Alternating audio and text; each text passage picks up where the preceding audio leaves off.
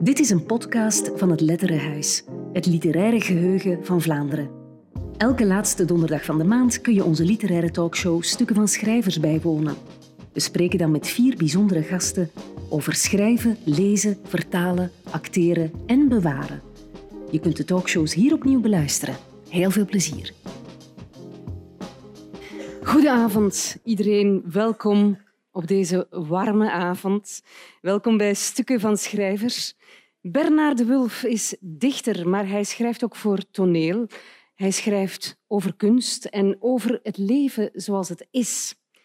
Ingrid Weverberg was de vrouw van Jodit Hoofd en hier in het archief zijn nog heel wat dingen over hem en van hem terug te vinden.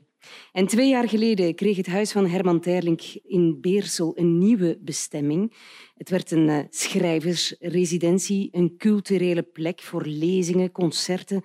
Hugo de Greef en Sigrid Bousset zijn de initiatiefnemers voor dit mooie project. En Sigrid is hier vanavond bij ons.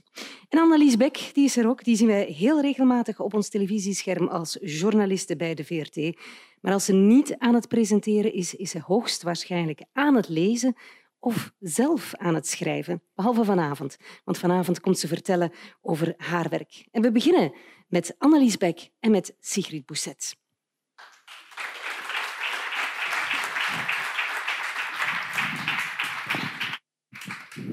Een goede avond.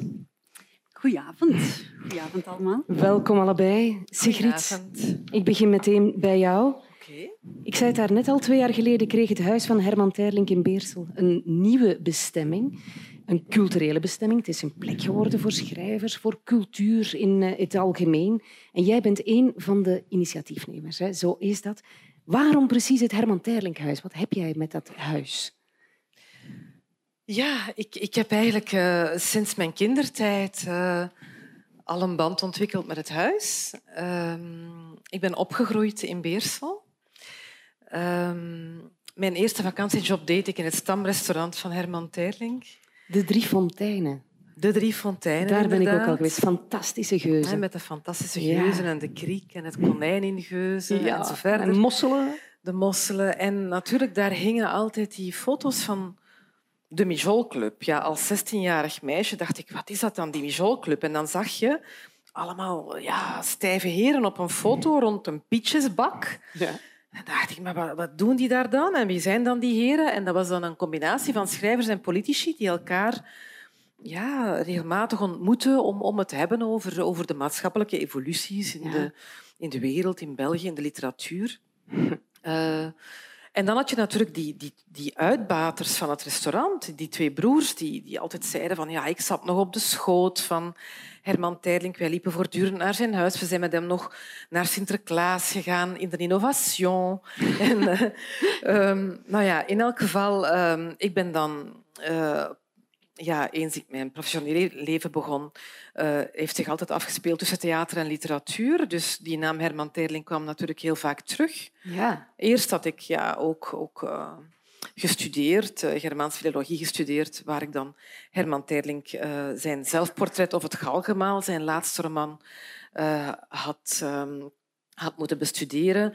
Uh, bovendien uh, was er mijn vader, prof literatuur, die dan ook een boekje had geschreven Terling een teerling. En dat, dat zag ik dan ook liggen als kind op de, op de keukentafel. Ik zeg, die Terling een teerling, wat zal je daar nu mee bedoelen? En dan ging het over Terling als dilettant, die zichzelf alles had aangeleerd. En het is eigenlijk pas uh, zoveel jaar later, toen, ja, toen ik mij een beetje begon te verdiepen in Terling, dat ik uh, besefte wat dat betekende, dat dilettantisme, dat uh, die Terling die zich alles aanleerde, uh, die eigenlijk een, een, een, een heel moeilijk studieparcours had gehad, die eigenlijk als jonge man een vlierenfluiter was, die, waar de ouders zich heel grote zorgen over maakten van gaat hij ooit terechtkomen. Um, dus eigenlijk door die biografie te lezen van Herman Terling, die twee jaar geleden is verschenen, werd me dat eigenlijk allemaal duidelijk, wat, hoe die figuur precies in elkaar zat. Um, nu, dat was precies de periode waarin uh, ja, ik inmiddels ook terug in Beersel woonde en, en het nieuwe gemeentebestuur uh, besloot om dat huis te verkopen. Want dat huis was in het bezit van de gemeente al die jaren. Dat was een museum, hè? Dat huis was een, een, een bescheiden museum Ehm, en tegelijkertijd uh, gaf de conservator Chris van Emelrijk, die inmiddels in Antwerpen woont, uh, die daar 20, 30 jaar conservator is geweest en dat heel goed heeft gedaan, um, die gaf eigenlijk kansen aan jonge beeldend kunstenaars uit Vlaanderen om daar te exposeren. En dat maakte dat daar eigenlijk regelmatig echt wel mensen uit de culturele wereld afzakten naar Beersel. Dat was een begrip. Die vernissages uh, in het Huis van Herman Terling, dat had eigenlijk een hele goede naam. Nu... Um, met het nieuwe gemeentebestuur en, en uh, ja, ergens een financieel probleem binnen die gemeente. Bon, binnen de kortste keren, de eerste beslissing dat die gemeente heeft genomen bij, onder de nieuwe burgemeester was we gaan dat huis verkopen. Dus aan eender wie? Aan eender wie. Um, er kon even goed restaurant Terling in komen. Daar kon uh, een gastenverblijf in komen, daar kon gewoon iemand zijn buitenverblijf van maken, dat kon om het even wat zijn. Maar uh, toen dat bekend werd dat de gemeente dat huis zou verkopen, is er ontzettend veel protest geweest. En dat had die gemeente totaal niet verwacht. Protest namelijk van de hele theaterwereld, van de hele literaire wereld. Want Terlink was een begrip zowel voor acteurs, wegens de oprichting van de studio Herman Terlink, als voor de schrijvers natuurlijk.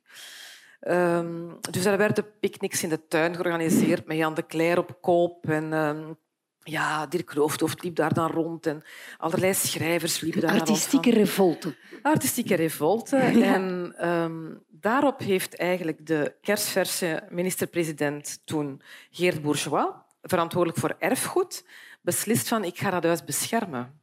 Ik ga dat huis beschermen omwille van de symbolische waarde dat dat huis heeft en ook omdat Terling dat huis voor een stuk toch ook mee heeft, heeft dat voor een stuk zelf ontworpen samen met zijn vriend Henri van de Velde. Dat was zijn vriend. Een klinkende naam en natuurlijk. Henri van de Velde, zijn zoon, was getrouwd met de dochter van Herman Terling. Um, en eh, ja, dus hun namen staan niet op de plannen, maar we weten wel dat ze dat toch samen hebben ontworpen op de zogenaamde Uwenberg. De Uwenberg dat was een prachtig natuurgebied op de rand van de dorpskom van Beersel, waar je eigenlijk een zicht had op de hele Zennevallei en alle, alle kerktorens uit de buurt kon zien, van heel het Pajottenland en dan Brussel ook zag liggen. En um, Herman Teirlink heeft er altijd voor gezorgd dat, zolang hij leefde, hij is gestorven in 67, um, dat de ring, waar al heel lang plannen waren, de ring rond Brussel, dat die daar niet gekomen is. Uh, eens, uh, dus uh, in die vallei waar hij uitzicht op had. Nou, kort nadat hij gestorven is, is ring daar natuurlijk terug gekomen. Maar goed, om maar te zeggen, dat huis heeft ergens een bepaalde waarde. In die prachtige tuin staat ook een schrijversterras, ehm, waar ook allerlei ja, vergaderingen gebeurden en plaatsvonden. Um, dus voilà, ja, om te antwoorden op uw vraag, wat heb ik met het Herman Teirlinkhuis? Ik ben ermee opgegroeid. Ja. Zoveel is duidelijk. Ja. Annelies, heb jij ooit iets van Terling gelezen? Wel, nu ga ik een bekentenis doen. Nee. Ja. Maar um, Herman Terling is uh, tot mij gekomen dankzij een um, heel mooi tweedehands boekhandeltje op het Begijnhofplein in Brussel, dat het Ivoren Aapje heet. En um, in mijn omgeving zijn twee mensen die onafhankelijk van elkaar zinnen van Terling in hun uh, handtekening van e-mail hebben staan.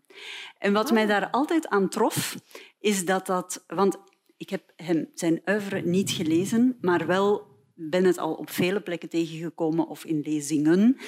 En wat mij altijd treft aan hem, uh, maar jij zult dat beter weten, is dat hij heel lenig en hedendaags en fris zo'n uitgewoond woord klinkt en dacht ook, denkt. Mhm. En dat spreekt mij daar wel heel erg in aan. Ik ben al vaker uitgenodigd voor bijeenkomsten daar. Het is nog nooit gelukt. Agenda, agenda, agenda. Maar dat is dus wel hoog op de lijst om daar eens te komen kijken. Kijk eens aan. Um, hangt die geest van Terling nog in dat huis? Dwaalt hij er nog rond?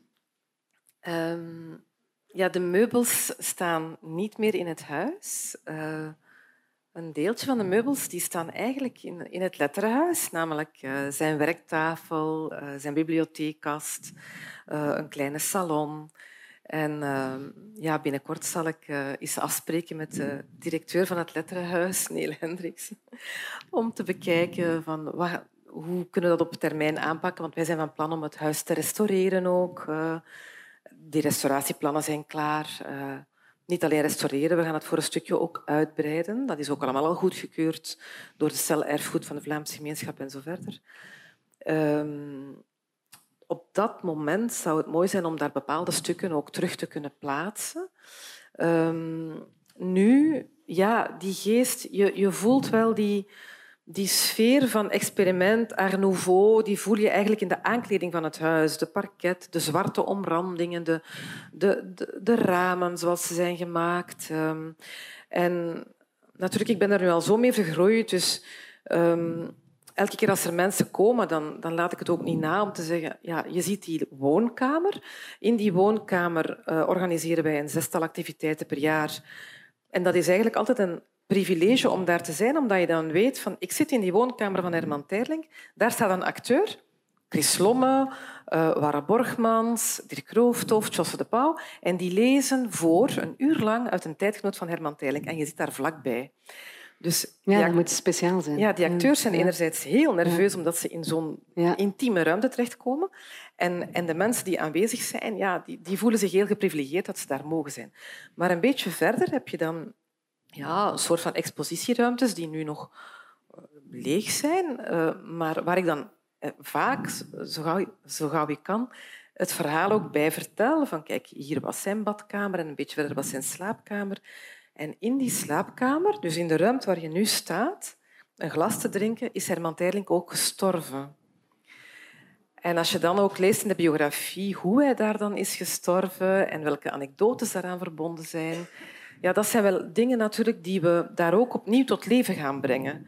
Dus eens het huis is gerestaureerd, zal, uh, zullen in die salons allerlei bijeenkomsten blijven plaatsvinden. Maar zullen we ook in, in die slaapkamer, die voormalige slaapkamer, zullen we daar een, eh, een museale ruimte van maken waarbij we op digitale wijze uh, heel wat elementen uit het leven van Herman Teylings, zijn leven in dat huis, zullen opnieuw oproepen. En we maken ook elk jaar een publicatie. En de eerste publicatie, dus zijn eigenlijk een soort van vergeten teksten van Herman Teylings, zo zijn er heel veel. Trouwens, ongeveer uh, heel ons Vlaamse erfgoed is vergeten of helaas niet opnieuw uitgegeven door hedendaagse uitgevers. Maar uh, dus het eerste boekje dat we gemaakt hebben heet Bij mijn venster. En dan zie je ook dat hele mooie venster uh, waaraan Herman Terling zat. En dan beschrijft hij alles wat hij zegt vanuit dat venster. En dat roept natuurlijk ook die sfeer op. Dat ook een hele mooie wilde tuin. Mm -hmm. Dus ja, ik kan toch wel zeggen dat, dat daar een bijzondere sfeer hangt. Ja, maar het is niet de bedoeling om in die sfeer van de 20e eeuw te blijven hangen. Hè. Jullie willen echt vooruit, jullie willen modern, actueel eh, zijn. ja, absoluut. Dat is ook uh, wat Herman Terling zou hebben gewild. Hè. Uh, Herman Terling was in alles wat hij deed een ontdekker van talent. Ehm, hij was altijd, zowel binnen de theaterwereld, aan het kijken van oké, de huidige acteeropleidingen uh, voldoen niet. Ik wil een nieuwe acteuropleiding oprichten. Of uh, er is geen forum voor nieuwe Vlaamse literaire talenten uh, om te publiceren. Oké, okay, ik richt het Nieuw Vlaams tijdschrift op. Hij heeft dat opgericht. Hè. Dat heeft dan een paar decennia bestaan met, met schitterende redacteuren rondom hem. Uh, tot het dan uiteindelijk in handen kwam van Herman de Koning, die het heeft verder gezet. En dan nog een tijdje zelfs in handen van Bernard de Wulf, die we straks ook gaan horen, uh, samen met Frank Albers, als ik mij niet vergis. Dus hij, een van zijn begrippen is uh, zijn aandacht voor broeikastkweek. En ik vind dat zo'n mooi begrip. Dus eens dat huis is gerestaureerd, ga ik starten met een broeikastkweek. Dat betekent dat ik ook een werking ga ontwikkelen um, voor nieuw talent. Dus nu is inderdaad de, de lijn er van het herontdekken van Terling-tijdgenoten via de stem van topacteurs. Ja. Die Terling-tijdgenoten kunnen Vlaams zijn, kunnen ook internationaal zijn. Zo heeft Els Dottermans bijvoorbeeld recent uit Margriet Joursenaar gelezen en um, zal Wim Opbroek op 11 november komen lezen uit Dylan Thomas. Uh, dus dat is natuurlijk op zich al een, een weelde om, om te worden voorgelezen als volwassene. Maar als het huis is gerestaureerd, dan zal die eerste verdieping ook een residentieplek zijn voor kunstenaars, voor schrijvers, voor mensen op het raakvlak tussen theater en literatuur ook, tussen literatuur en maatschappelijke leven, ook zo'n raakvlak wat, wat uh, Terling nou aan het hart lag. En zullen we ook uh, op een of andere manier jong talent daar zeker een plek geven. Ja. Ben jij al in veel schrijvershuizen geweest? Um, toch wel een aantal. Ja. Als ik gebeten ben door iemand of me heel verwant voel met iemand um, en je kan die plek nog bezoeken, dan wel. Um, ja. Bijvoorbeeld um, Monk's House, Virginia Woolf en ook in Charleston het huis van haar zus, Vanessa Bell, die een schilderes was. Uh, maar ook uh, het, het, huis van Dickens kun je bezoeken in, in Londen dan weer. Heb je allemaal gedaan? Ja, dus okay. als, als je zo... Of eigenlijk wat, wat ik ook heel fijn vind, um, en ik kreeg een echo van dat gevoel toen ik hierheen wandelde van aan het station, is door een stad wandelen in de voetsporen van um, een schrijver. Als je weet dat een schrijver een heel bijzondere band heeft met een stad of een plek, um, kan ook buiten, op de buiten zijn, en je, je, je schakelt dan voortdurend, of bij mij gaat dat dan toch zo tussen de sepia-versie bijna van die omgeving en wat er toen was en misschien nu niet meer is, of wat er intussen nieuw is. Um, dat, dat zijn heel bijzondere gewaarwordingen. En dan krijg je ook een ruimtelijk beeld van hoe, ja, in welke omgeving iemand functioneerde, inspiratie uithaalde. En, en een beter beeld van de schrijver? Ja, niet letterlijk, niet één op één, maar voor mij voegt dat wel iets toe. Ja? Alsof je toch een beetje in, een, in, de, in de personal space komt van zo iemand. Ja. Dat uh, vind ja. ik wel fijn. Ik ben ook al in een aantal schrijvershuizen geweest, maar dat was dan bijvoorbeeld in Ingooichem, het huis van Stijn Streuvels, hm. het Lijsternest. In uh, Lier, het huis van Felix, Tim Felix, Timmermans. In Brugge, Guido Gezelle. Wat maar, mag ik er nog eentje? Ja? ja? Uh, één tip. Ik heb pas pas ontdekt het huis waar um, Edward Douwes-Dekkers, Max Havelaar, is geboren. Piep klein er is één meneer die dat bewaakt, bemand, letterlijk. Ik was de enige die daar binnen ging. Dat is een klein, klein straatje eh, vlakbij het station van Amsterdam. Die heeft mij twee uur onderhouden, wow. non-stop, over de paar uh, stukken die daar stonden. Als je zegt die schrijftafel van, uh, van Herman Terling, daar stond ook de schrijftafel van uh, Max Havelaar, zal ik nu maar zeggen. Um, zijn, zijn koffertje dat hij altijd mee had als hij lezingen ging geven en zo. Echt doe uzelf dat cadeau. Dat is ongelooflijk. En piepklein, eigenlijk ben je zo rond, maar die man vertelt desnoods twee dagen. Heerlijk. Ik ben zo in Sint-Petersburg uh, uh, ook een paar schrijvershuizen gaan bezoeken. Uh, van de, zoals van de Russen? het, het huis van Nabokov, waar hij ja. tot zijn achttiende heeft gewoond. Of dan Anna Akhmatova, waar ze hm. voortdurend door de security werd in de gaten gehouden. Um, ja, ik, ik, ik, kom ook heel graag in de personal space van, van een auteur terecht. Van hoe heeft hij geleefd? Wat, wat zag hij uit zijn venster? Uh, ik ben ook altijd geïntrigeerd in, in, in steden die ik bezoek... Uh, door de, de plaatjes die aan bepaalde gevels ophangen, van hier leefde bijvoorbeeld ja, ja, ja. Descartes. Of, uh... ja. Maar wat mij opvalt, is dat die, dat die schrijvers, ja, bijvoorbeeld degene die ik daarnet heb opgenoemd, allemaal 19e, 20e eeuw zijn. Hè. Ik kan mij niet voorstellen dat wij later het huis van Annelies Beck gaan kunnen bezoeken. of het huis van Tom Lanois, of het huis van, van Hugo Claus. Ja, ja er, ik denk dat er ook niet zo heel veel schrijvers vandaag zijn die, die werkelijk decennia lang op dezelfde hmm. plek blijven wonen. Ook wel, ja. Uh, waardoor dat toch uh, fluider wordt, uh, beweeglijker wordt, um, minder makkelijk te vatten is, uh, de geest van een auteur in een huis.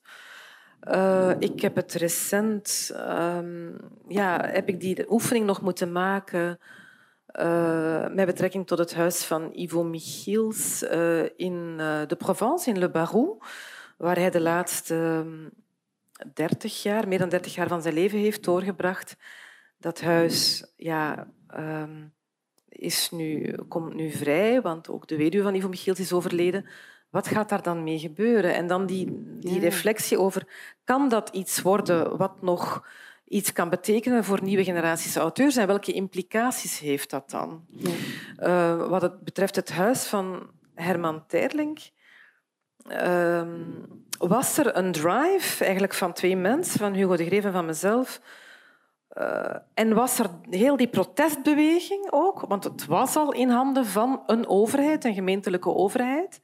Dus dan kan je makkelijker zeggen van oh, oh dit mag niet in privéhanden mhm. komen, dit moet iets blijven voor de gemeenschap. Maar dat is ook een heel gevecht geweest. Uh, alleen hebben wij op dat moment uh, ja, een mecenas gevonden, een literatuurliefhebber die daar gewoon een stuk van zijn geld wou insteken. En dat bestaat dus nog vandaag de dag. Dat soort mecenassen, dat is niet iets alleen maar van de 19e of de 20e eeuw. Dat, dat kan. En, en als je, dan heb je een soort van modelsituatie waarbij je ook naar de Vlaamse overheid kan trekken en zeggen van oké, jullie, als Vlaamse overheid zeggen jullie toch van uh, de overheid kan niet blijven de culturele instellingen financieren. Er moet ook geld uit in de privé gezocht worden. Dus daar hadden wij een argument van kijk, wij hebben dat gevonden. De overheid heeft dat niet aangekocht. Wij hebben een privépersoon die het aankoopt. Maar we hebben wel nog dit en dat en dat nodig. Een restauratiepremie en, en een start om mee te werken. En, en, dan... en zo wordt het realistisch. Ja, en dan wordt het echt een, een realistisch verhaal. Want ja, ja, ja. Als je zo from scratch moet beginnen, uh, ja, is dat niet evident. Nee, dat geloof ik best. Wat is jouw droom voor dat huis? Je hebt het al een beetje gezegd. Hè? Je wilt daar, hoe was het woord? Een broei... Broeikastkweek. Kweek, ja. Broeikastkweek, ja. ja. Ja, ik voel mij meer en meer aangetrokken ook tot culturele infrastructuur of culturele evenementen uh, die zich buiten de stedelijke context afspelen. Heeft dat nu te maken met het ouder worden? Ik weet het niet, maar waarom moet altijd alles in de stad gebeuren? En dan denk ik, wij hebben daar een, een pracht, we zijn daar een, een prachtige biotoop aan het creëren. En, en dat moet het blijven. Dus de interactie tussen het huis en de tuin, de uitzichten vanuit, vanuit het huis naar die tuin. Ehm, ja, dus ik wil daar eigenlijk schoonheid creëren en aandacht voor literatuur en voor voorlezen. Ook een creatieplek, dus zowel een presentatie als een creatieplek, maar wel degelijk in de luwte. Dat moet niks groot worden. Eén keer per jaar doen we dan wel een soort festival. Dat is nu voor de tweede keer dat we dat doen, maar alles op, het gemak. Hè. Dus dat heet dan Zomerland. Vorig jaar was dat helemaal gewijd aan Stijn Streuvels, dit jaar aan Gerard Walschap. Op het einde van de zomer. En nu komen daar Tom Lanois en Sien Volders en Janka Vleerakkers en Tom van Bouwen lezen uit Walschap. Ze, komen. Ze schrijven brieven ook aan Walschap, eh, Annelies Verbeken ook.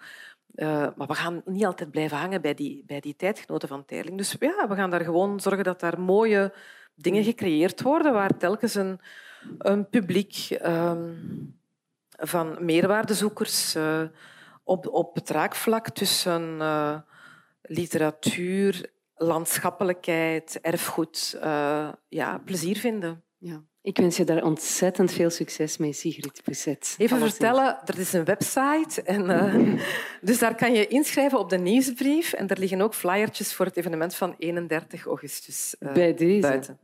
Ja, iedereen weet het. Dat is goed. Annelies Beck. Laat ik eens naar jou komen. Jij bent zes jaar eh, geleden gedebuteerd met je, of je hebt gedebuteerd met je roman Over het Kanaal. Mhm. Met je nieuwste roman doe je nog een krachtinspanning, want hij gaat over de oceaan. Die heet Toekomstkoorts, speelt zich af in Brazilië. Waarover gaat het boek? Um, het, is het, een, het, zijn twee verhaallijnen. Het ene gaat over um, Belgen die in de 19e eeuw, tweede helft 19e eh, eeuw een kolonisatiepoging hebben ondernomen in Brazilië. Ze wilden eigenlijk het kunstje van Congo nog eens overdoen in Brazilië. Dat leek een goed idee. En het andere verhaal speelt zich nu af, heel erg nu, vandaag en volgend jaar. En gaat over um, Brazilianen die op diezelfde plek waar in der tijd die Belgen um, actief waren, ook een visie voor de toekomst proberen op poten te stellen. Um, en daarbij ja, geweld niet schuwen, net zo min als dat het geval was um, door de Belgen in der tijd. Ja, het feit dat het gaat of dat het zich afspeelt in Brazilië, dat is jou niet vreemd natuurlijk. Je hebt daar gestudeerd, je hebt daar een tijd gewoond. Je reist vaak naar Brazilië. Als er iets gebeurt in Brazilië, dan zien we jou vaak daar opduiken. Mm Je hebt ook een master in Brazilian Studies. Wat is dat? Um, de band met Brazilië is begonnen toen ik 18 was. Ik heb um, na het middelbaar een uitwisselingsjaar gedaan. AFS ehm, heette de organisatie waarmee dat was. En ja, zo'n jaar is, is heel heftig. Was ook nog de tijd voor e-mail. Bellen was veel te duur. Dus vergeleken met nu zat ik daar heel geïsoleerd en ben je echt op jezelf aangewezen, ondergedompeld in die plek, in die familie waar je dan logeert en waar je naar school gaat. Dus dat, dat maakt heel veel los. En toen ik terugkwam, ben ik geschiedenis gaan studeren, maar um, had ik heel erg het gevoel, ik heb nu echt uh, een beleving van Brazilië gehad, een jaar lang, maar ik wil het ook beter begrijpen en structureren. En die Master in Brazilian Studies uh, was in Londen. Dat was een, um, een, een, jaar lang studeren over de literatuur van Brazilië, over de economie, de politiek enzovoort. Gender studies waren, maakte daar ook al deel van uit toen. En dat hielp mij om alles wat ik daar ook op school en zo wel geleerd had, maar om dat eigenlijk vast te zetten in mijn hoofd, zeg maar, en die, dat historisch perspectief ook te hebben. Was dat een liefde op het eerste gezicht, Brazilië, voor jou? Um, nee, we hebben een uh, gezegde in onze familie. Was it love at first sight of a taste to be acquired like olive and beer? Het was dat tweede. Um, je wordt daarin gegooid en het is zoveel, visueel, auditief, van in het begin, vanaf het moment dat je van een luchthaven naar het busstation gaat met de bus urenlang het binnenland tot je in een stad bent waar dan die familie woont waar je gaat verblijven. Dat is een bombardement, dus je moet echt als een dove blinde je weg zien te vinden. Maar uh, het is onder mijn vel gaan zitten, jawel. Ja, hè? zeker. En vandaar dan die roman. Hoe ben je op dat verhaal van die kolonisatie gekomen? Heb je dat geleerd in je Brazilian Studies? Nee. Ja, ik wist dat niet. Nee, heel veel mensen. Um, ik ook niet trouwens. En, en um, het is een stukje verborgen geschiedenis. En eigenlijk net een, zoals bij uh, Over het Kanaal beschouw ik het als een groot, groot voorrecht en cadeau van het lot, of wat dan ook, dat dat op mijn pad is gekomen. Want um, het is begonnen met een vriend die mij een doctoraat heeft gestuurd van een Braziliaanse wetenschapper, historicus, die um, dat stukje geschiedenis onderzocht had. Dus de Belgische kolonisatiepoging in het uiterste westen van Brazilië, tegen de grens met Bolivia, voor wie Brazilië een beetje kent. De huidige staat Mato Grosso, Pantanal, heel drassig gebied. Allemaal prachtig, prachtig natuurgebied, enorm uitgestrekt, dun bevolkt. En dat is ook in de Braziliaanse politieke geschiedenis um, gecontesteerd gebied. De grenzen waren daar niet altijd duidelijk met Bolivia enzovoort. En dus zeker ook die periode met de Belgen, um, vonden ze de moeite om daar uit te zoeken. Dat was het begin. Maar met zo'n doctoraat heb je nog geen roman laten staan. Enfin, ja, van. Dus dan kan het helpen als je in een archief op een dag een naam tegenkomt die iets wakker maakt. En ik heb, omdat we hier toch ook in een archief zijn, één voorbeeld mee. Kijk, wat, wat ook een rol speelt bij, bij zo ideeën en associaties die helpen om een roman tot stand te brengen, um, dat is het lot, toeval. Je vindt heel vaak wat je niet zoekt. En omgekeerd, je vindt vaak niet wat je zoekt. En dat vind ik geweldig aan archieven. Dus er is enerzijds het element van je gaat naar de archivaris in de zaal en je zegt ik ben op zoek naar um, ik zeg maar wat, verslagen van consuls uit die periode in dat gebied um, en de briefwisseling. En die komt dan af met een pak, als je geluk hebt, alstublieft. En dan heb je dus mapjes, papier, waar je dus doorbladert. In Engelse archieven is dat nog met handschoentjes trouwens. En het gevoel van de schat zou op het volgende blad kunnen zitten dat ik nu omdraai, dat is gewoon verslavend. Dan zit je daar uren te niezen, te snuiten, want dat is vaak ook nog een beetje stoffig. Te bladeren, te bladeren. Je wordt na een poosje helemaal groggy en moe en je ziet de letters voor je ogen dansen. Maar het moment dat je dan zo'n schat vindt, dat is onbetaalbaar. Daar doe je het eigenlijk voor. En een van die uh, vondsten kwam mij, werd mij aangereikt, door het lot zal ik maar zeggen in het uh, archief van uh, Ellis Island in de States, dus het in New York, punt in New York waar, de, waar de migranten vanuit Europa aanmeerden, zich moesten registreren. Dat is allemaal te. Um, geboekstaafd. Je hoeft dat niet per se op papier uh, op te zoeken. Dat is nu ook allemaal gedigitaliseerd. Maar daar kwam ik dus een um, list or manifest of alien passengers for the US Immigration Officer at Port of Arrival tegen van een schip dat vertrok vanuit São Paulo, Santos bij São Paulo, in 1903 richting New York. En wie staat er op die lijst? Émile Tezin, 36 jaar, carpenter, Belgian, ging dus vanuit São Paulo naar New York. Met één contact en hij had in zijn gezelschap Annunziata, een jonge Italiaanse, meer dan de helft min van zijn leeftijd, by the way. En dan ontstaat er iets. Dan denk ik, wacht even, een 36-jarige Belg die ergens uit België naar Brazilië is gegaan en daarna, 1903, naar de VS doorreist. Waarom is hij ooit vertrokken? Wat heeft hij in Brazilië gedaan? En waarom is hij daar vertrokken? En voilà, je hebt een narratieve boog en dan komt er een soort bezetenheid over mij en wil ik alleen maar bedenken wat dat kan geweest zijn. En dan is dat doctoraat weer nuttig, want dan heb ik een context waar een historische context. Felix in kan plaatsen en kan laten dingen doen. Felix, die trouwens, toeval of niet, of je hebt het ons expres gematcht, Teerlink heet van zijn achternaam. Niks is hier toeval. Nee. Niks. zeg maar, um, dus ja, die archieven, dat heb je dan gedaan. Hoe is dat dan bijvoorbeeld in jouw boek te horen? Wat uit dat archief komt. Hè? Je zegt, ik, ik verzin dan een verhaal, maar mhm. wat van dat archief komt dan in jouw boek? Ja. Je zegt de historische context. Eh, de context is, Belgen zijn daar, klein groepje Belgen hoor, mensen met ervaring in Congo, die dus al dan niet met medeweten van koning Leopold II en zijn entourage stilletjes geprobeerd hebben om dat in Brazilië dus ook nog eens uh, op poten te zetten. Um, die waren er, dat wist ik. Daar heb ik ook opzoekingen over gedaan, concretere feiten eh, van gevonden. Maar Felix heb ik niet plat geresearched, deze jonge man ehm, die mij geïnspireerd heeft tot mijn Felix omdat ik hem verzonnen heb. Hm. En wat ik gedaan heb, is ik heb Felix laten aankomen op die plek waar die Belgen daarmee bezig waren, hem daar een job gegeven als het ware, en dan gekeken hoe reageert hij op wat daar gebeurt, op het geweld dat daar plaatsvindt, op de uitleg die er gegeven wordt aan het hele project en het plan dat ze daar hebben. Ehm, dus je kunt niet zeggen één op één, nee. dit of dat komt erin. En je vroeg een klein stukje te lezen. Ja.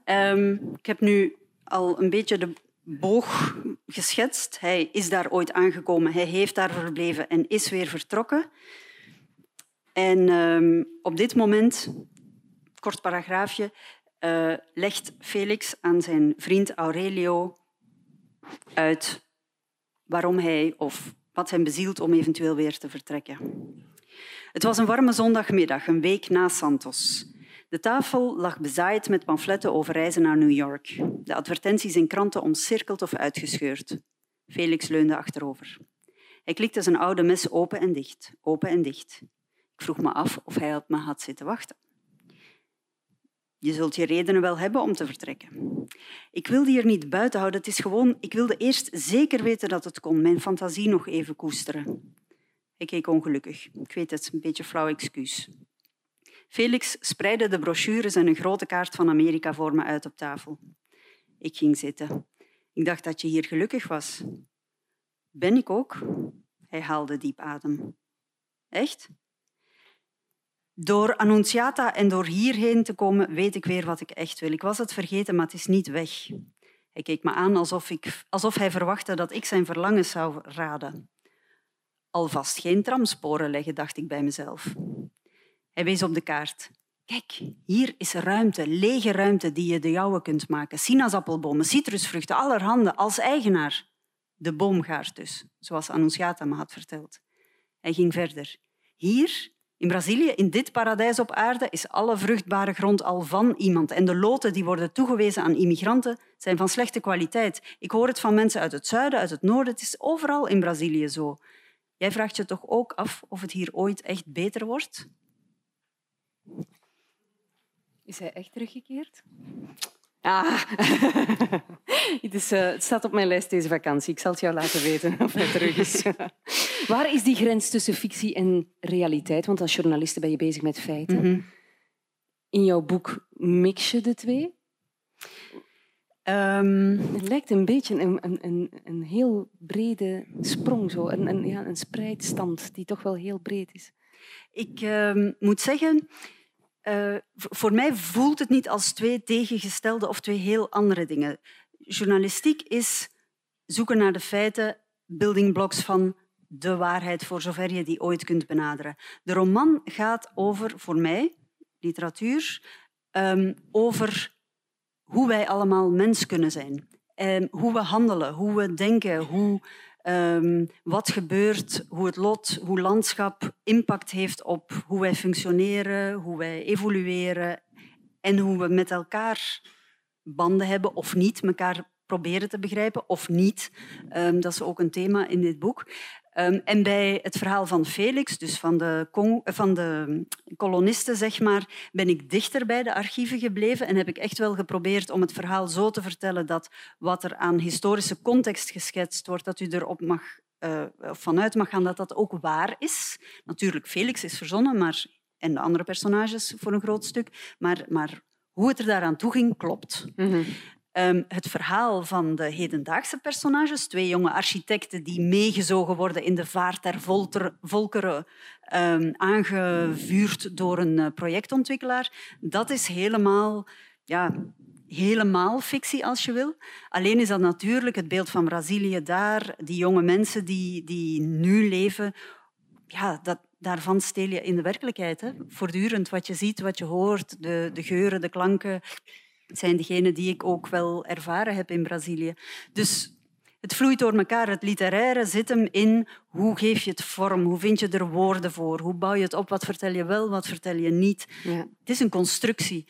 Um, en wat je hoopt, denk ik, als schrijver, of althans ik toch, is dat, dat een lezer meegezogen wordt door het verhaal, daar zelf ook deel van wordt, zeker in dit boek, en en vergeet zich af te vragen van, hmm, zou dit nu verzonnen zijn? Is dit nu echt? Um, want ook dat zit in het boek. Het zijn die twee verhalen, maar ook nog eens verknipt met deels echte bronnen, deels verzonnen bronnen. Omdat het ook gaat over waarheid en wat we kunnen weten van hoe de wereld nu draait. Als u s morgens opstaat en nog een papieren krant leest s'avonds een of smiddags een Facebook-bericht krijgt, ondertussen radio-nieuws hoort, misschien naar de zakken kijkt, ik wil niks suggereren, um, het journaal meeneemt op een website of telefoon krijgt van iemand die u vertelt, heb je al gehoord? Dan zijn dat allemaal fragmenten waarmee u de werkelijkheid probeert één te maken, overzichtelijk te maken, te begrijpen, inzichtelijk te maken. En zo heb ik dit verhaal ook willen vertellen. Er zijn dingen waarvan je denkt, hoe rijmt dit wat ze schrijft met dat.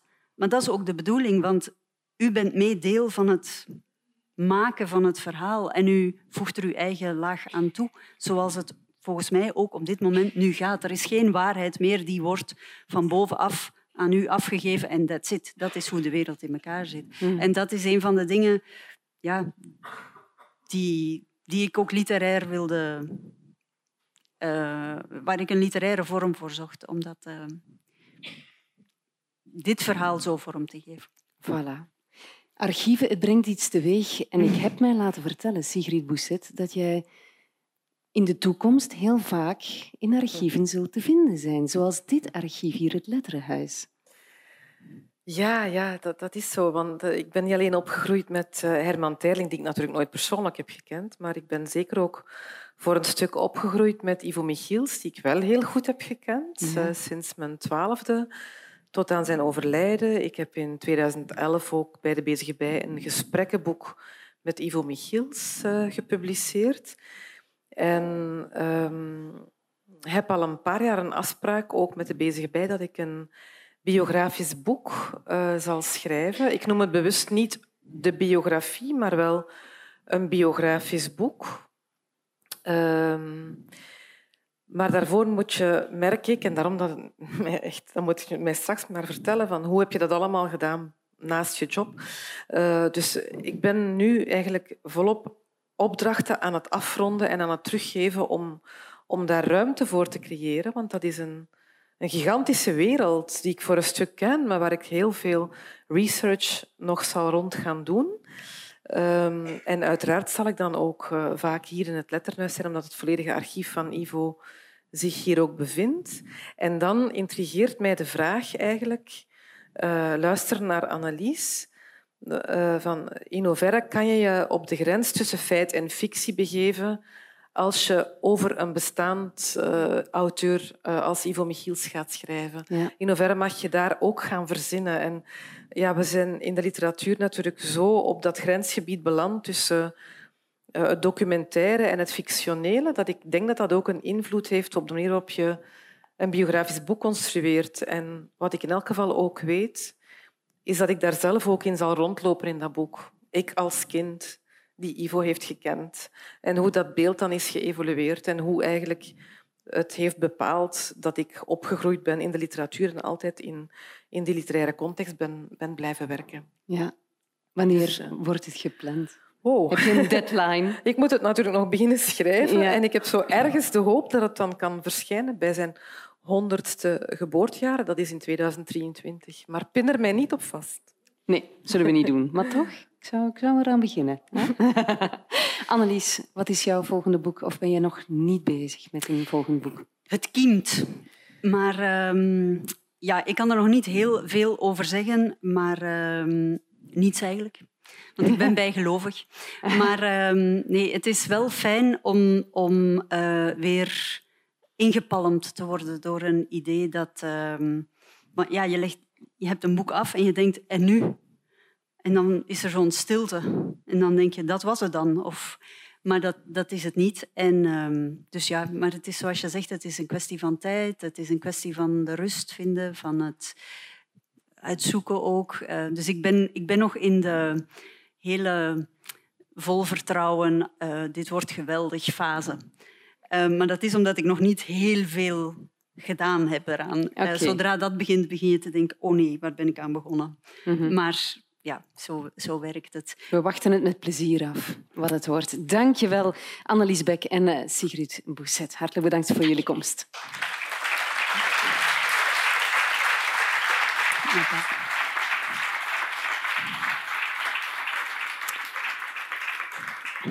En dan maken we nu plaats voor Bernard. Ik moet eigenlijk zeggen, Bernard heb ik vandaag geleerd. Eerste fout die ik al maakte bij de begroeting en Ingrid Weverberg. En ik moet eigenlijk iets bekennen.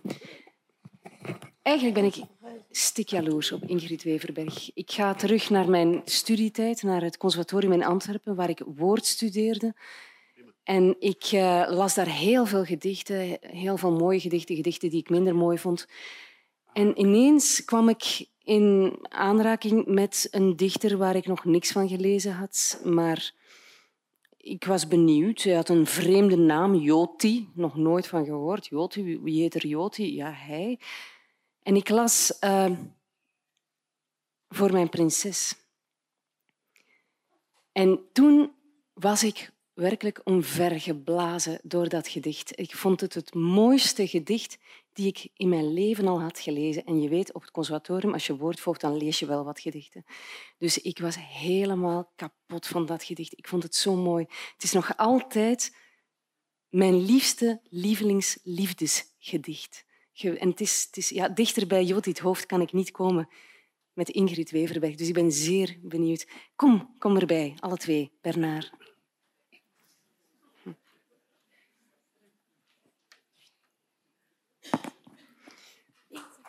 Maakt niet uit. Goedenavond, Bernard. Bernard. Ik krijg het niet gezegd, sorry daarvoor, Bernard. En Ingrid... Bernard. Bernard. Fernand. Fernand. En Ingrid Weverberg. Geheel tegen de regels van de welvoeglijkheid in ga ik bij de mannen beginnen. Ik ga met jou beginnen, Bernard. Jij schrijft gedichten ook, uh, theater, columns. Ik heb zo genoten van je mooie dagen. Maar je schrijft ook over kunst, want elke eh, week in de Standaard Magazine maak jij een vergelijking tussen een beeld dat uit de actualiteit komt en een schilderij. Goed, ik dacht, interessant concept, ik, ik volg het. Ik dacht, ik ga dat ook eens doen, bij wijze van test. Dus ik nam een krant, ik keek naar beelden en ik had de krant helemaal doorbladerd en ik dacht, ik vind niks. Hoe doe jij dat? Dat zijn van die moeilijke vragen. Um, nee, ja, een goede vriend van mij zei onlangs ook dat er zo ongelooflijk veel in mijn hoofd moet zitten, blijkbaar, aan, aan, aan beelden. Het moet wel, ja. Nee, maar het is ook... Um, Dat is omdat je daar... Allee, ik wil dat niet minimaliseren, maar dit is omdat jij daar niet op gefocust bent gewoon. Ik ben er nogal zeker van dat als je dat zou moeten doen... Ja, maar ik wou het echt. Ja, maar het is niet echt. Het, er is niet... het is niet, het was wel Bij mij is het wel echt. Ik heb een deadline en dat moet er staan en zo. Ik wil, Ja. ik wil dat niet zo... Ja. Maar het is natuurlijk wel zo dat ik al heel lang met kunst, en, en vooral dan schilderkunst, Heb jij eh, nu bezig ben. Ja. ja. de foto van vandaag en onthouden, de, ja, van, van, van gisteren eigenlijk, van, van de man met zijn zoon? Ja, ja, ja, precies. Ja.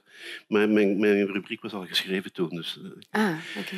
Maar eh, zo'n rubriek is heel specifiek. Hè. Bedoel, bijvoorbeeld die foto van die man en dat, dat, dat, dat kindje, dat is natuurlijk... Oh ja, dat gaat door merg en been. Maar dat betekent nog niet dat je daar meteen zomaar een kunstbeeld bij kunt eh, bedenken. Nee, nee. Laat staan een verhaal, hè, want het moet er altijd weer een verhaal zijn natuurlijk. Ja. Ja. Wat wordt het eh, dit weekend? Geen schilderkunst, het wordt eh Bill Viola. Ik weet niet of dat iets zegt. Dat is videokunst. Oké. Nee? Ja. Ken ik niet. Ja. Ja, Ja, jij kent het? Ja, ik ken dat. Oké. Een tentoonstelling van gezien in Nederland, dus Tilburg, denk ik. Nee. Mag ik heel even aan jou frullen? Ja, ja, daar staat zo'n dingetje zo. Voilà, dat staat nu beter. Ja, Oké, ja. Ah. dus jij kent die? ja ik ken veel viola, ja. Ja, ja oké. Van waar komt jouw passie voor die beelden, van die ik beeldende was, was kunst? al bang voor die vraag. Ik heb daar nooit een goed antwoord op. Ik kan daar alleen maar een anekdote over vertellen die waarschijnlijk het beste antwoord is. Heel kort verteld, ehm, toen ik mijn eerste essayboek over kunst, eh, toen het zou gepubliceerd worden, vroeg de uitgever, we hebben het over 2000, 2001, eh, je moet er wel een inleiding bij schrijven van want niemand kent jou, en zeker al niet in Nederland. En ik dacht, ja, wat moet ik nu schrijven? Dus ik herinner me heel goed dat ik door de woonkamer liep. Daar, in die tijd stonden daar mijn boekenrekken. Maar boekenrekken, dat, dat is op een bepaald moment wordt dat decor natuurlijk. Je zit niet elke dag naar die boeken te kijken. En ik liep daar voorbij en kort gezegd, ik zag drie mappen staan onderaan in die boekenrekken. Ehm, en ik dacht, ja, dat is heel lang geleden dat ik die nog gezien heb. En ik haal die uit de rekken.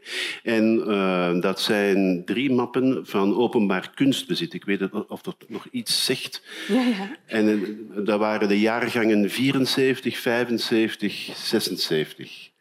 En ik was toen dus 14, 15, 16 jaar. Volle apenjaren, volle puberteit. Ik doe die mappen open. Ik had die volgens mij sindsdien nooit meer open gedaan. En ik kende die van buiten. Ik wist welk plaatje er zou volgen op het volgende plaatje. Dus ik moet die in die jaren, maar ik was al volkomen vergeten, ademloos hebben bekeken. ja. Snap je? En dus ik denk dat dat heel oud is, dat, dat, dat de, het willen kijken naar kunst. Ja. In Ja. de eerste plaats schilderkunst, maar niet alleen. Ja, dat kwam eigenlijk goed uit, hier ook voor het Letterenhuis. Want het is een goed bewaard ge- geheim, ze hadden het mij ook niet eerder verteld, dat er hier ook een uitgebreide schilderijencollectie is bewaard in de archieven. Jij bent die mogen gaan inkijken. Wat was jouw eerste indruk? Veel. het is ongelooflijk veel. Ehm, het is hier Wat, wat is veel? Eh, Eh, honderden. Ja, echt? Honderden, maar niet Ja. alleen schilderijen, maar voornamelijk maar ook tekeningen, Ja, ja. en dergelijke. En eh, er is hier ergens een verdieping waar die volledig gevuld is met zeer goed bewaard, eh, eh, bewaarde kunst van schrijvers in de meeste gevallen, maar ofwel portretten van schrijvers, ofwel werken door schrijvers gemaakt, enzovoort. Ja, vele honderden. Ja. Voornamelijk, denk ik toch, portretten. Heel veel portretten van eh, ook intussen natuurlijk al lang vergeten schrijvers. Oké. En je hebt er een paar Ik uitgekozen. heb er een paar uitgekozen. Willen we eens kijken naar de eerste? Ja. Wat mij meteen ook weer verbaasde, jij mag zeggen wat het precies is. Dit is, ehm, daar was ik heel blij mee dat, dat, dat ik dat daar vond. Dat is een ehm, schilderij van Maurice Gilliams, de schrijver Maurice Gilliams. Eh, ik wist vaag wel, ik, ik ken zijn werk, ken zijn werk vrij goed zelfs. Ik, wist vaag, ik vermoedde vaag wel dat hij zelf ook wel eens zou geprobeerd hebben om te schilderen of te tekenen. Wat dus ook zo blijkt eh, te zijn. En dit eh, is dus een werk dat in dit archief, in die kasten daar, hangt. Je hebt al veel kunst bekeken. Is het een goed werk? Is het ook goed geschilderd? Dat is een verkeerde vraag. Uh, daar ga ik me niet over uitspreken. Ik, nee, ik denk dat ik wel kan zeggen, ik heb er vandaag genoeg over gelezen, dat uh, uh, Gilliams ook zichzelf geen groot beeldend kunstenaar ja. vond. Ik weet ook niet hoeveel hij heeft geschilderd. dus hij zou me dat niet kwalijk nemen, denk ik, als ik zeg dat dit niet echt terecht, terecht niet in een museum hangt. Ik zal het zo zeggen. Oké, okay. dat het, het in het archief zit opgeborgen. Ja, maar het is wel een, ja, Maar het, is, ja. het heet De Boodschap aan Maria. Ja. En je hebt daar een gedicht van teruggevonden? Wel, teruggevonden. Ik, uh, ik had wel onmiddellijk... Ik, nogmaals, ik ken zijn poëzie vrij goed. En toen ik dat zag, dacht ik van ja, ik weet precies uh, waarom hij dit heeft geschilderd. Uh, en hij heeft dus een, uh, Maurice Gilliams heeft uh, een, een van zijn mooiste bundels, of hij heeft, heeft er veel, is het Maria-leven. Dat is echt een dichtbundel op zich. Dat is zo'n beetje midden in zijn oeuvre. En dat zijn, ik weet het niet meer juist, wat zijn er nu, 13 of 16, maakt niet uit, gedichten over Maria. en Maria en haar zoon, mm -hmm. uiteraard, Christus. Mm -hmm. En je kunt die hele bundel lezen als een min of meer historisch verantwoord uh, cyclus.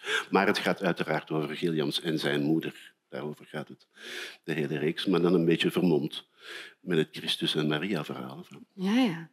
En ik heb een... Uh, ik zal, zal ik het eens voor? Ja, graag. Omdat dit heet dus de boodschap aan Maria. Dus we zien zogenaamd Gabriel, maar voor alle duidelijkheid toch even toelichting. Het is overduidelijk dat dit Maurice Gilliam zelf is. Iedereen die, die ooit maar een foto van hem gezien heeft of hem in het ooit heeft gezien, uh, weet dat hij er zo uitzag.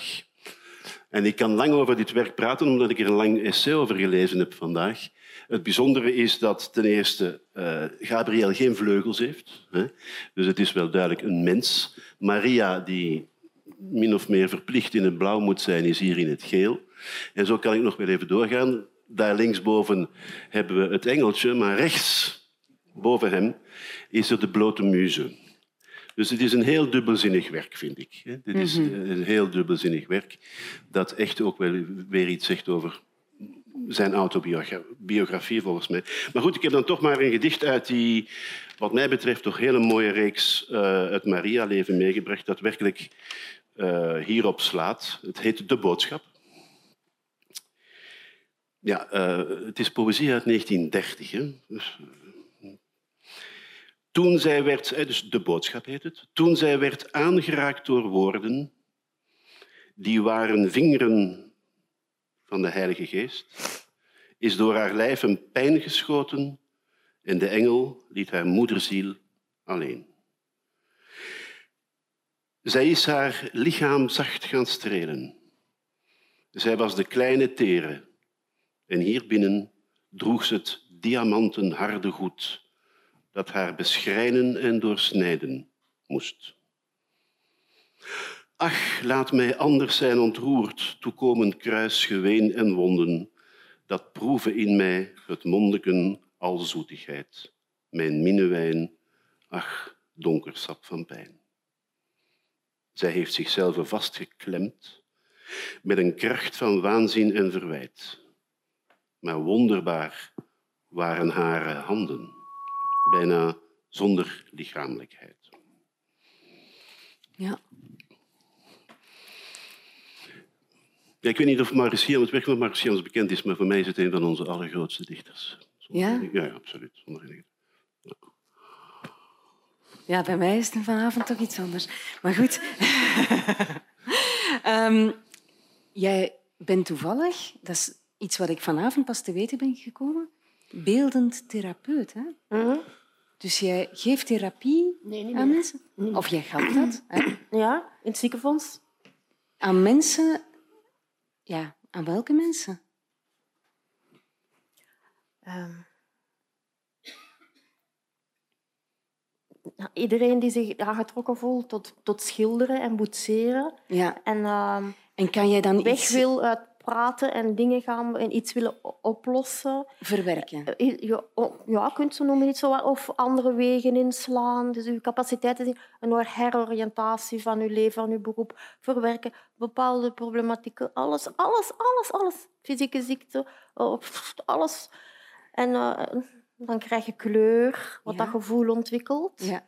En dat, je is, kan dat is iets- enorm fascinerend. Dat is enorm fa- dat is fascinerend. Als je dan die werken ziet, kan je iets zeggen over die persoon. Vaak, of niet? Want ik wou eigenlijk vragen... Wat... Oh, om dat te gaan beginnen analyseren. ja, ik, ja.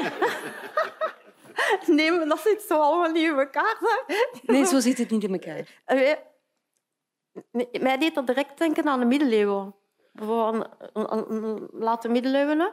Dus uh, hoofds ergens, iets ergens in een klooster. Ja?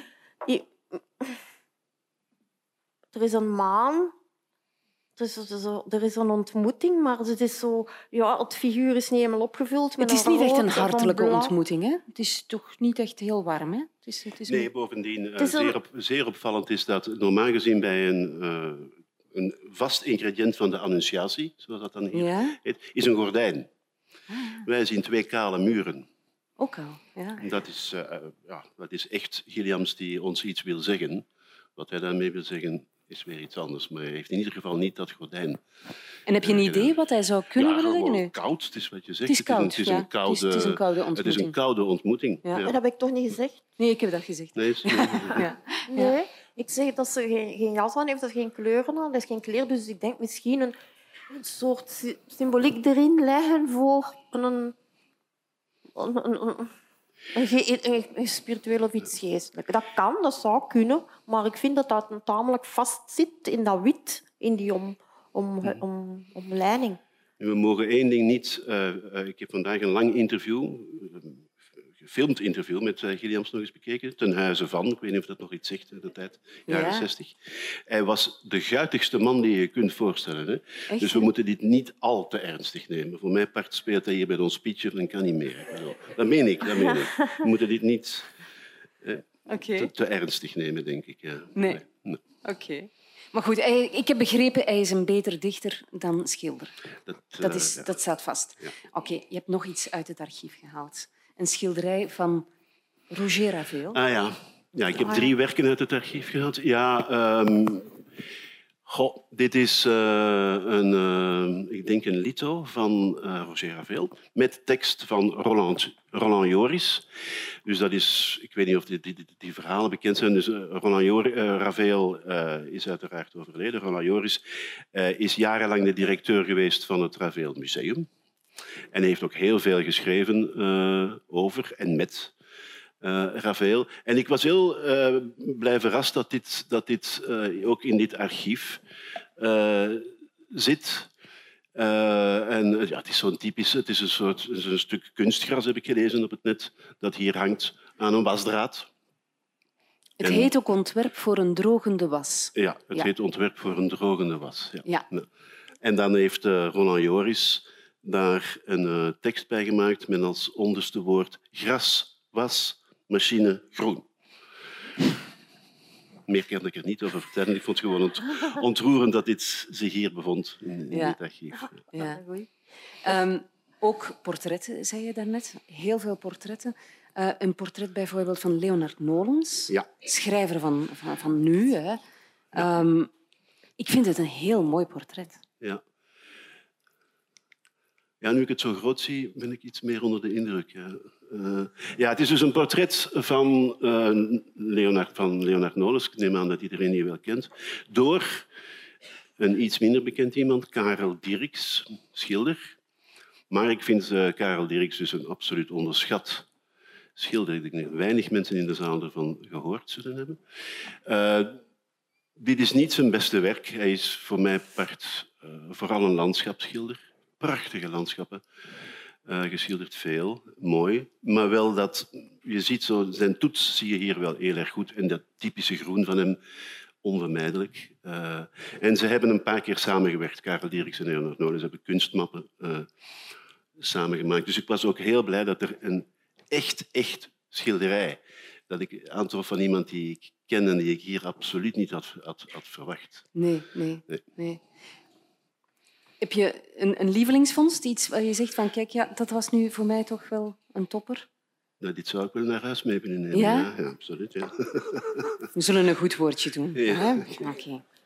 Eh, is er een verband met hoe jij als schrijver naar de wereld kijkt, naar de, naar de wereld rondom jou, de mensen rondom jou? en hoe jij kijkt naar kunst?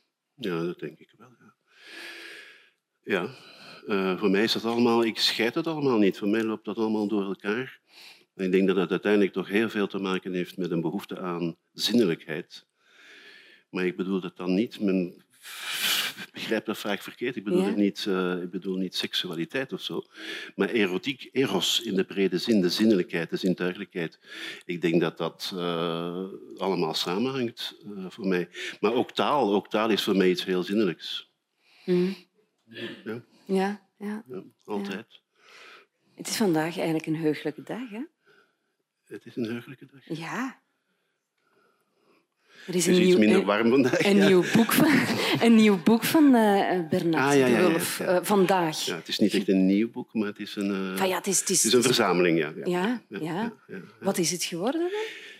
Het boek heet... ik heb twee boeken, proza-boeken. Het ene heet Kleine Dagen, het andere heet Late Dagen. Ja? En die zijn nu samengebracht in De Dagen.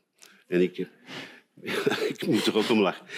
Ik heb de titel in extremis veranderd, want de redacteur wou absoluut dat het alle dagen zou heten.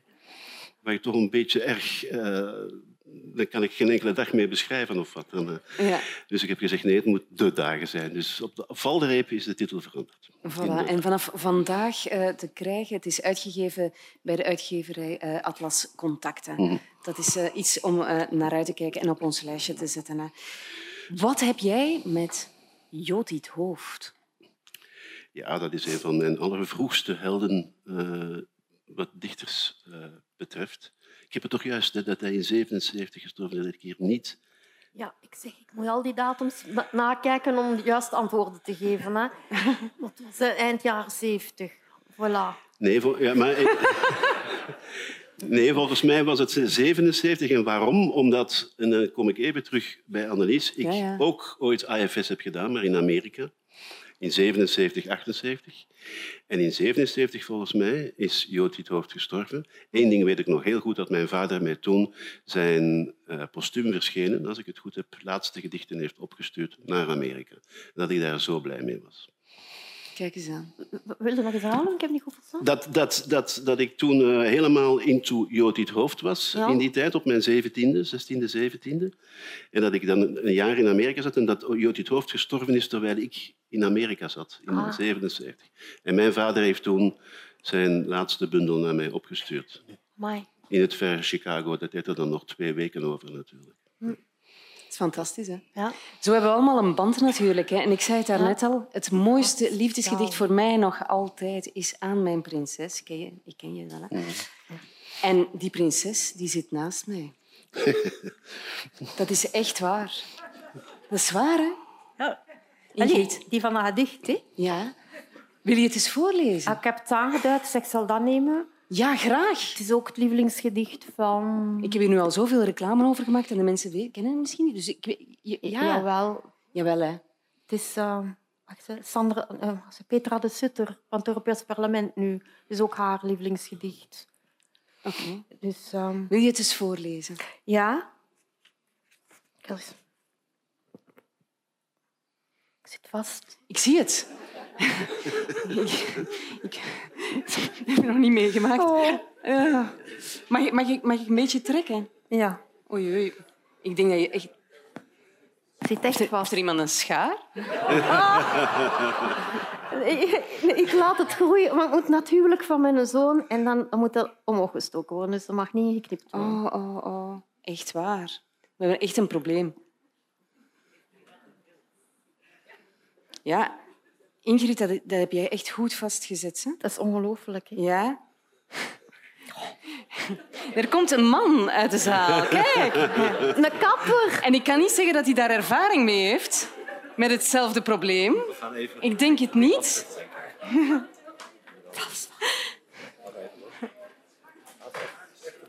En dat in het midden van heel die tragedie van Joti. Hè. Dus Het komt in orde, Ingrid. Wat is jouw lievelingsliefdesgedicht? Mijn lievelings... Ja, dank je wel. Ja, dank je wel. Dank u, Jan. Ja, oké. Dat kan ik niet zo meteen. Nee? Weet je niet? Is dat mogelijk? Ah ja, oké. Excuseer me. Dat is niks. Kan gebeuren. Maar die prinses, die Ja. willen we nu eens horen.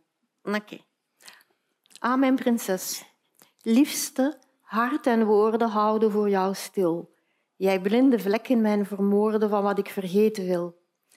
Kleine vink, lieve kleine kinkel, de liefde speelt mij parten. Babyface, bijou, scharminkel, voor wie ik alles weer wil tarten. Tot ik, als vroeger, blind van pijn, weer neerlig, eenzaam in het laken. Het gaat niet om het zijn, maar om wat wij ervan maken. En voix. Prinses, ik beschrijf wat ik bewonder, wat ik vrees, bemin of haat. Prinses, nu ik u ken, kan ik niet zonder. Gedoog niet dat ik u verlaat. Mooi, Voilà. hè? Ah, zo mooi. Ja. Hij heeft jou verlaten, hè? Ja, Hij heeft jou verlaten. Jij was 17 toen jij Joti het hoofd hebt leren kennen in een café, heb ik mij laten vertellen. ja. Was liefde op het eerste gezicht? Hm, Nee. nee, ik was na, de school uitgenodigd door een jongen die een oogstje op mij om bij zijn vrienden te gaan die een café hadden nog open. Ik, ik ga niet na, school naar een café gaan. Hè. En dat heeft zo'n tijdje geduurd. En dan ben ik toch naar dat café gegaan. En daar stond dan achter de bar zo iemand met een lang Afrikaans kleed met paarse nagels, met lang zwart haar heel goed verzorgd, blinkend. Echt heel... Verzorgde zich tot in de puntjes. Zijn mama was modeontwerpster. En ehm, ja, we geraakten aan de praat en ik dacht, oh, je, moet je nu niet op school zitten? Ik zat in de retorica. Plaat, allee. En ehm, al gauw correspondeerde dat innerlijk met dat contact dat ik met hem had helemaal niet met, met, met, met, met mijn eerste indruk over hem. En de dag nadien stond hem er ook wel in een gewone jeans of een gewoon broek met een, met een trui, omdat ik een opmerking had gemaakt. Omdat ik dan ik moest mee lachen. Zo, hè. Eh, en al gauw, ja, dan zat hem op de baarkurk teno- tegenover mij. En Maar ondertussen begon het hier overal te kriebelen. Dus je moet er serieus aan. Moet dus, je wilt geen blauwtje lopen, maar je weet niet wat er aan de hand is. En... eh, dan schreef hem daar een gedicht over. Hè. De oevers van ons praten, dat en de stilte die ertussen groeit. En, of vloeit. vloeit. En Heeft hij jou, jouw hart gewonnen met woorden? Of... Jawel, jawel. Ja? Ja, en dat hij schreef. En eh, dat, eh, hij, kon, hij had een prachtige, prachtige stem. Ja. De mooiste stem van heel de wereld. Hij- eh, wie kent Herman van Veen? En ehm, hoe heet hem? Die een andere populaire zanger weer. eh, Een heel beroemde. Een, een Nederlander. Allee, Boudewijn de Groot die heeft toch ook zo'n eh, Ah, ja. unieke stem. Ja. En Jootje had ook op zijn eigen manier een unieke stem. Dat is een tijd van haar Balorifa. Ik luisterde altijd naar kleinkunst. Dat was ook altijd dat... ja. En de- het was zo'n mooie stem. En wat hij allemaal vertelde. En ik zeg, wat doe jij hier? Wat doe jij hier? Jij, wil- allee. En toen heb, ik al zijn gedichten mogen lezen. En dat vond hem bijzonder, want zijn vrienden waren daar allemaal niet in geïnteresseerd. Of zijn liefjes, ex, bijna. Je bent ervoor gegaan, duidelijk. Hè? Ja. Ja, ik, kon Ja. mij- dat was, ik, moest, ik, ik moest een ja hebben van hem, want anders ging ik het niet uithouden. Maar Ja. Wat, wat, wat voor iemand was hij eigenlijk? Want ja, hij stond daar dan achter de toog van een café. Als je met hem praatte, ja, praten jullie over literatuur ook? Allee, Ja, Zijn gedichten? Maar, over zijn gedichten en over wat dat hij mooi vond en wat dat ik, wat dat ik Ja. mooi vond. Bij mij was dat Paul van Ostaaien. En nu niet in de eerste instantie zijn gedichten. Was soms een beetje bombastisch en zo traditioneel. Mhm. Eh, eh, eh, maar dat heeft me ineens dat heeft me door. Ik sliep daarmee onder mijn hoofdkussen in de, in de kostschool. Hè. ja. En dat was zo... Dat, dat, pakte mij. En dan zeg ik, man, man, dat, zit, dat was ongelooflijk. Dat is als een, muziek... Ik kan beter vergelijken met als je een muziekstuk hoort van een componist waar je ontzettend van houdt, van Bach of zo, dat transformeert je op dat moment, wordt je iemand anders.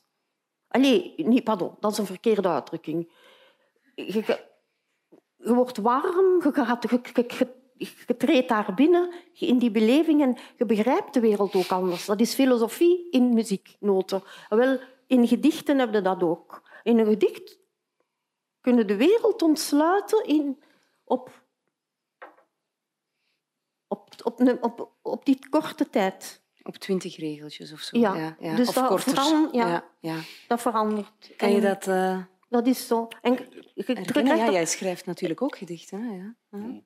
Maar dat, dat, wel- Goethe had dat ook, hè. je kunt dat niet vergelijken, maar dat is dat ook. Hè. Als je dat leest, de eerste keer dat ik daarmee geconfronteerd was in, in school, dan was dat...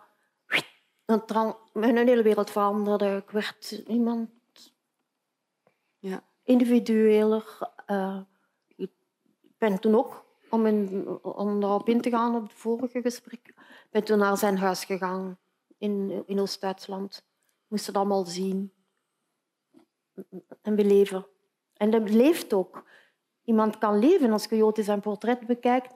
Dat leeft. Maar ik denk dat, wij dat, dat jullie dat ook allemaal hebben. Hoor. Als je kunst beleeft en portretten bekijkt, dan heb ik dan langs eh, van Constable bijvoorbeeld. Dat is ook een soort liefde. Je gaat open. En dat lijkt op verliefdheid. Kijken naar kunst. Of naar iemand gelijk als. Nu weten we het, hè? Dat is een kunstwerk. Nu weten we het. Dat is het. Eindelijk. Ja, ja, ja. Nee, ja. maar dat is toch... Hè, Ja. je- dat je daar enorm mee bezig kunt zijn. Ik kan, er zijn periodes geweest dat ik uren naar portretten kon kijken. En je voelde je daarna door. Je zou bijna dat leven van die mensen kunnen beschrijven. Hè? Zo, Ja, ja. zo intens. Om het verhaal even af te maken. Ja? Hij had geluk, want jij was de dochter van een uitgever. Ja. Maar je wordt niet verliefd op iemand omdat hem de dochter van, een uitgever is. Hè? Nee, nee, nee, dat, dat suggereer ik ook niet. Maar hij had gewoon geluk, niet? Ja, ik weet niet. Wat, wat, Nee, wat zei jouw papa- vader als jij aankwam met die gedichten? Van, Ja. Kijk eens wat ik hier heb. Ja, nee, nee. Mijn papa had gezegd... Grit, jij komt niet naar huis met al die gedichten van allemaal die vriendjes. Met allemaal je vriendjes en vriendinnetjes enzovoort. En Je, komt daar niet mee, je moet daar niet mee, overstelpen. Dat niet, hè. Dus, oei, ja, hè, dat, dat moest ik niet doen. Hè. Want mensen, ja, dat uw papa is uitgever, geven dat mee. En ze denken dat jij daar invloed op hebt. Maar dat zijn wel lectors die dat lezen. En toen was Ja. dat Jeroen Brouwers, Paul de Wispelaar en mijn papa misschien ook wel. En mijn papa en Paul de Wispelaar waren unaniem overtuigd van Joti. En eh, Jeroen, Jeroen Brouwers niet. maar ze hebben het dan toch uitgegeven. En ik weet nog in Gent, dus op de bloemenmarkt, we stonden in een telefooncel. Toen waren er nog telefooncellen. Hè. En dan hop, stik daar zoiets in. We, hallo, en hoe is dat zo? Heel spannend. Wordt dat geaccepteerd of niet? En ja, we gaan dat uitgeven. Hè. Nu moet weten, poëzie, dat was in die tijd toch het visitekaartje van een uitgeverij. 2% van de mensen leest dat. Dus dat wordt, dat, wordt niet uitgegeven omdat, het, omdat de uitgeverij daar rijk van wordt. Hè. Ehm, maar ja, het was ja en Jote sprong zo hoog. In die telefoon direct geaccepteerd. Zijn ouders... Er was een boekhandelaar in Oudenaarde en die bekeek die scheef door zijn levenswandel en zijn eh, aparte interesses. En, eh, en in één keer schudden ze zijn handje. In één keer was het heftig, in één keer was het goed, want je, je, je publiceerde heel die, die wereld, dat dat allemaal zo veranderde. En nu zijn die mensen, de zoon van die boekhandelaar, zit nu in de Jotit Hoofd poëziewedstrijd. Er is een Jotit Hoofd poëzieprijs Ja. opgericht ja. in Oudenaarde. Maar dan is hij 21 als hij overlijdt. Hè, een bewuste dosis, eh, overdosis cocaïne. Ehm, nee, dat, dat wisten we niet of dat, of dat een ongeluk was. Of, ehm, Ik dacht dat het later... Ja, Toch? het is pas een jaar of zeven geleden, is zes, zeven geleden, dat ik vernomen heb, Ja. dat ik heel zeker weet, dat- omdat er iemand wist vanaf was, eh, iemand wist wat zijn plan was. Ja, En en jij wist het niet. wij Jij- zijn allemaal in onzekerheid gebleven. Oké. En zeven jaar of zes jaar geleden heb ik het pas vernomen en nu, nu weet ik het zeker dat dan... Uh... Ja. Wat, wat Ja, gebeurde er toen was. met hem als schrijver? Werd hij toen neergehaald als het is een junkie? Het is, eh, of of Nee. wat, wat, wat gebeurde er toen met zijn, met zijn schrijverschap, zijn werk? Nadien of... Ja, zijn- toen hij zo overleden was, op die manier natuurlijk. Hè? Ik denk dat dat vroeger meer een, groot, een rol speelde. Wat, dat, wat, dat u, wat dat je in je leven al deed, en dat dat meer gelinkt werd aan uw kunst. En nu wordt er meer een onderscheid gemaakt, daar wordt er apart van gezien meer. Dus uw biografie zal meer losstaan van uw werk. Mhm. En ik vind dat... Dat is natuurlijk... Ja, ik vind dat wel juist. ook. Ja. Ja, veel van die figuren worden, zo, ik denk aan die jong sterven, die worden cultfiguren. Hè? Hoe zag jij hem dan? Want jij hebt dan hè, zijn dood meegemaakt, enfin, meegemaakt hè, van op een verre afstand. Jij was fan van hem. Ja, maar ik was 17, hè. moet het zo Ja, ja, ja oké. Ja. relativeren. Ehm, ik weet nog dat ik ehm, jaren later, waarschijnlijk tien jaar na zijn dood of zoiets, weet ik het veel, eh, een stuk in de krant had gepleegd. En dat is eigenlijk het enige stuk waarop ik zo ongeveer half Vlaanderen over mij heen heb gekregen ooit. Waarin ik mij afvroeg, hardop, van stel dat we nu tien jaar later zouden zijn en Jodit Hoofd zou nog leven, zou het een groot dichter geworden zijn. Ja. Alleen al de vraag stellen in die tijd Was not done. Not done, echt niet. Ja, ik heb toen echt wel veel kritiek gekregen. Ja, ik weet het ook Het niet. is natuurlijk gewoon een puur hypothetische vraag, maar allee, alleen nogmaals, de gevoeligheden waren toen in dat verband zeer groot. En de mythe was nog heel erg levend. Ja, onlangs was er nog in Humo eh, een artikel en er, er stond bij twee dingen mag je niet doen. Hem vereren en hem vergeten.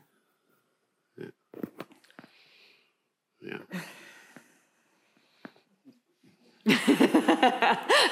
het is humor, hè. Ja. Ja. Wat denk jij? Ja, eh, ik weet niet, en vergeten...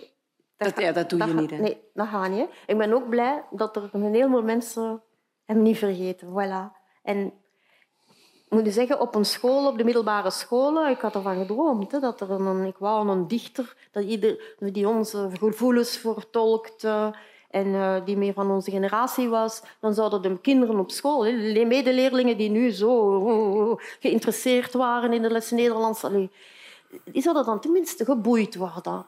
En dat is nog steeds. Ik heb het gisteren nog genomen, vernomen van iemand dat de Jood dit hoofd, dat is boeiend. Dan, dan worden die wakker en dan gaan die actieve dingen doen. Natuurlijk, kun je veel mee doen. Hè? Ja, dat is ook zo. Hij, ja, hij, hij, hij stierf een tragische dood. Hij was een beetje een cultfiguur hè, in, in zijn tijd. En, en, en zo'n verhalen blijven eh, beginnen een eigen leven te leiden. Wat is de grootste leugen die er werd verspreid over Jood Hoofd? Wauw. Hij zegt, hij heeft daar ergens een zin. En dat staat, met leugens heb ik de waarheid Allee, Ja. bevestigd. De grootste leugen, maar jong. Ja. Nee, maar er worden, wel, er worden heel veel dingen gezegd natuurlijk hè, over, over het Hoofd. Van, van, hè, van mensen die, die zeggen van ja, eh, eh, hij, hij was een donkere schrijver, hij was altijd eh, onder invloed. Ah, ja, of... ik had dat niet door. Ah nee, nee, dat is niet erg. Nee, ik, had dat, ik heb dat nooit niet zo gelezen. Ik heb dat nooit Ah, zo donker Ja. gezien. Ik zag de liefdesgedichten. Ja, hè.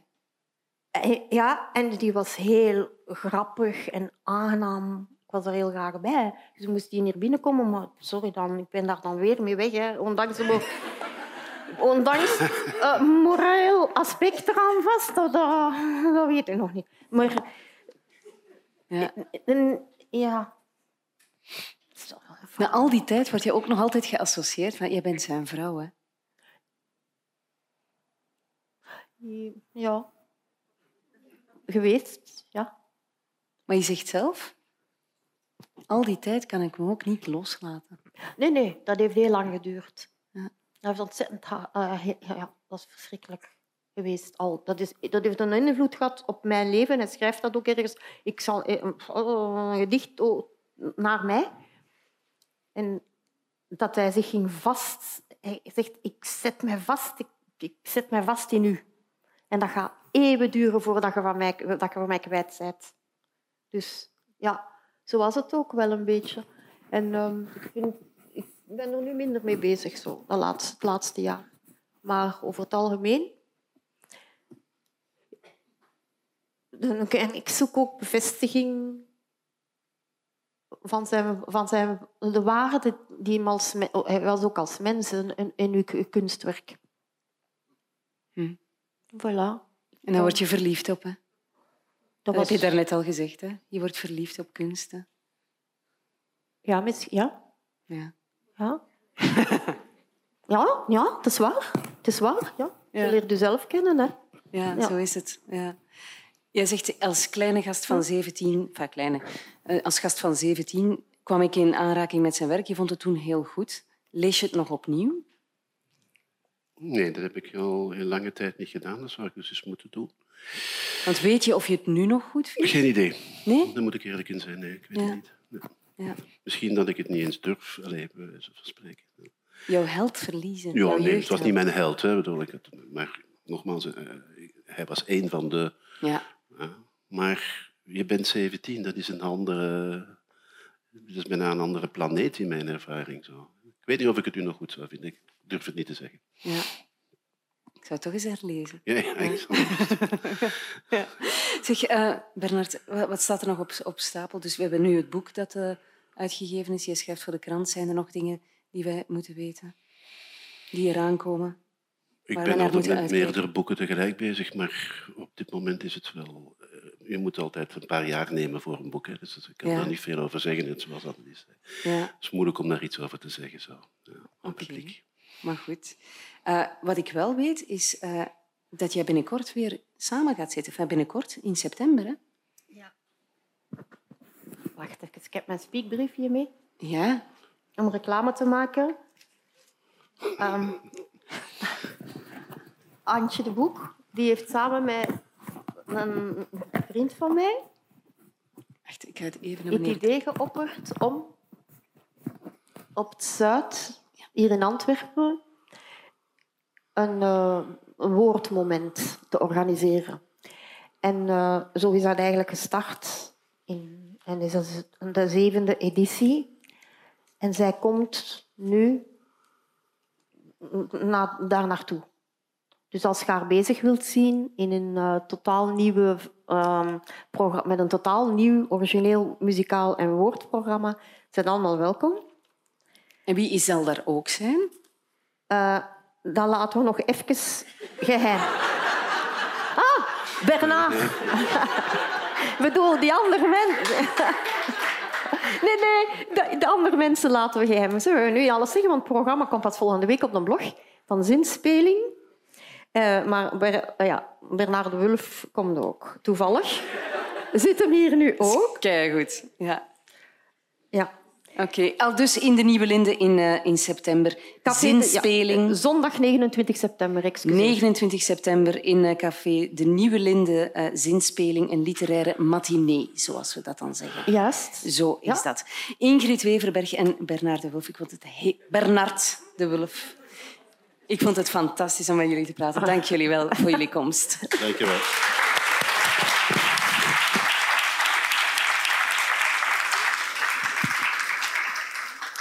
Dank ook aan alle mensen van het Letterenhuis, want zij hebben alles geregeld. Ze hebben inspiratie gegeven. Dank je wel voor de heel fijne samenwerking. En dank je wel om er ook weer vandaag bij te zijn. Dank je wel aan, aan jullie. En wie weet zien we elkaar opnieuw voor een volgend seizoen van uh, Stukken van Schrijvers. Want dat komt er wel degelijk aan. We hebben er zoveel zin in meer gekregen dat we er gewoon nog een seizoen bij doen. Op 19 september zijn wij terug. Dus ik wens jullie nog allemaal een heel fijne avond en een heerlijke zomer. Geniet ervan en tot in september.